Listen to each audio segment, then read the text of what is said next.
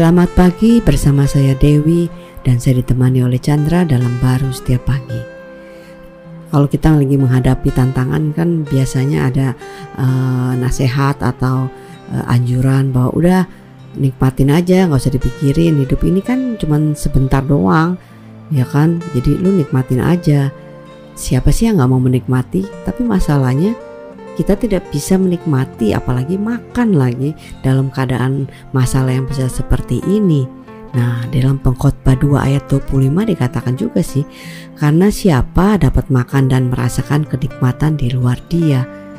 Gimana tuh kalau lagi keadaan tantangan besar? Makan iya. aja kayaknya nggak bisa ya dinikmatin. Iya, ya kan kalau uh, kita melihat kan orang berpikir nikmat itu bisa dari apa yang dia bisa lakukan dan punyai kan. Hmm. Padahal uh, kalau kita lihat di firman ini lucu loh, benar nggak? Kira-kira kan hmm. uh, dia bertanya bisa nggak sih manusia itu menikmati uh, di luar dia? Hmm. Bahkan uh, cuman mau makan aja lo bisa nggak nikmat? Orang biasanya dikasih makanan yang yang mahal, yang enak bisa nggak nikmat loh karena pemikirannya tetap di masalahnya kita ya. Iya, ada teman saya itu kan udah dikasih tempat yang enak sekali hmm. gitu, makanan yang luar biasa, enaknya, mahalnya.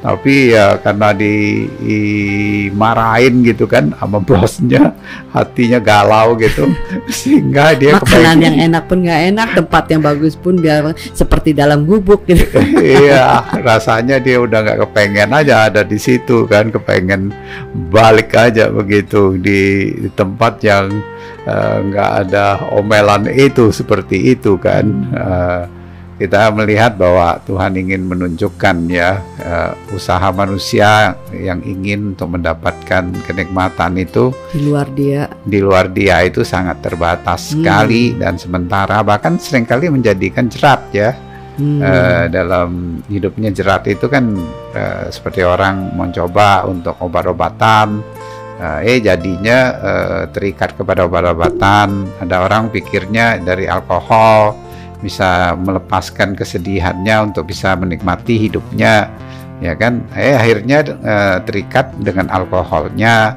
Nah, itulah menunjukkan sebenarnya uh, nggak bisa ya dia perlu uh, kembali lagi uh, Tuhan melalui Kristus itu ya menebus ya hmm. uh, kehidupan kita yang uh, dengan segala usahanya yang tidak mungkin bisa memiliki kehidupan nikmat itu. Hmm. Nah, tapi uh, Tuhan melalui Kristus dia bukan saja menebus kita yang lama tapi dia memberikan kehidupan yang baru sehingga sebenarnya hidup kita itu ada di dalam dia dan hidup dia di dalam kita Hmm. Nah itulah yang membuat kita itu bisa menikmati uh, dalam hidup ini, hmm. ya sekalipun uh, ada di dalam situasi kondisi apa pun juga. Tantangannya mau sebesar apa pun juga itu tidak bisa menghentikan hidup kita itu dalam kenikmatan di dalam Tuhan. Iya, sebenarnya ya kan dia jauh lebih besar. Bahkan sering dikatakan bahwa itu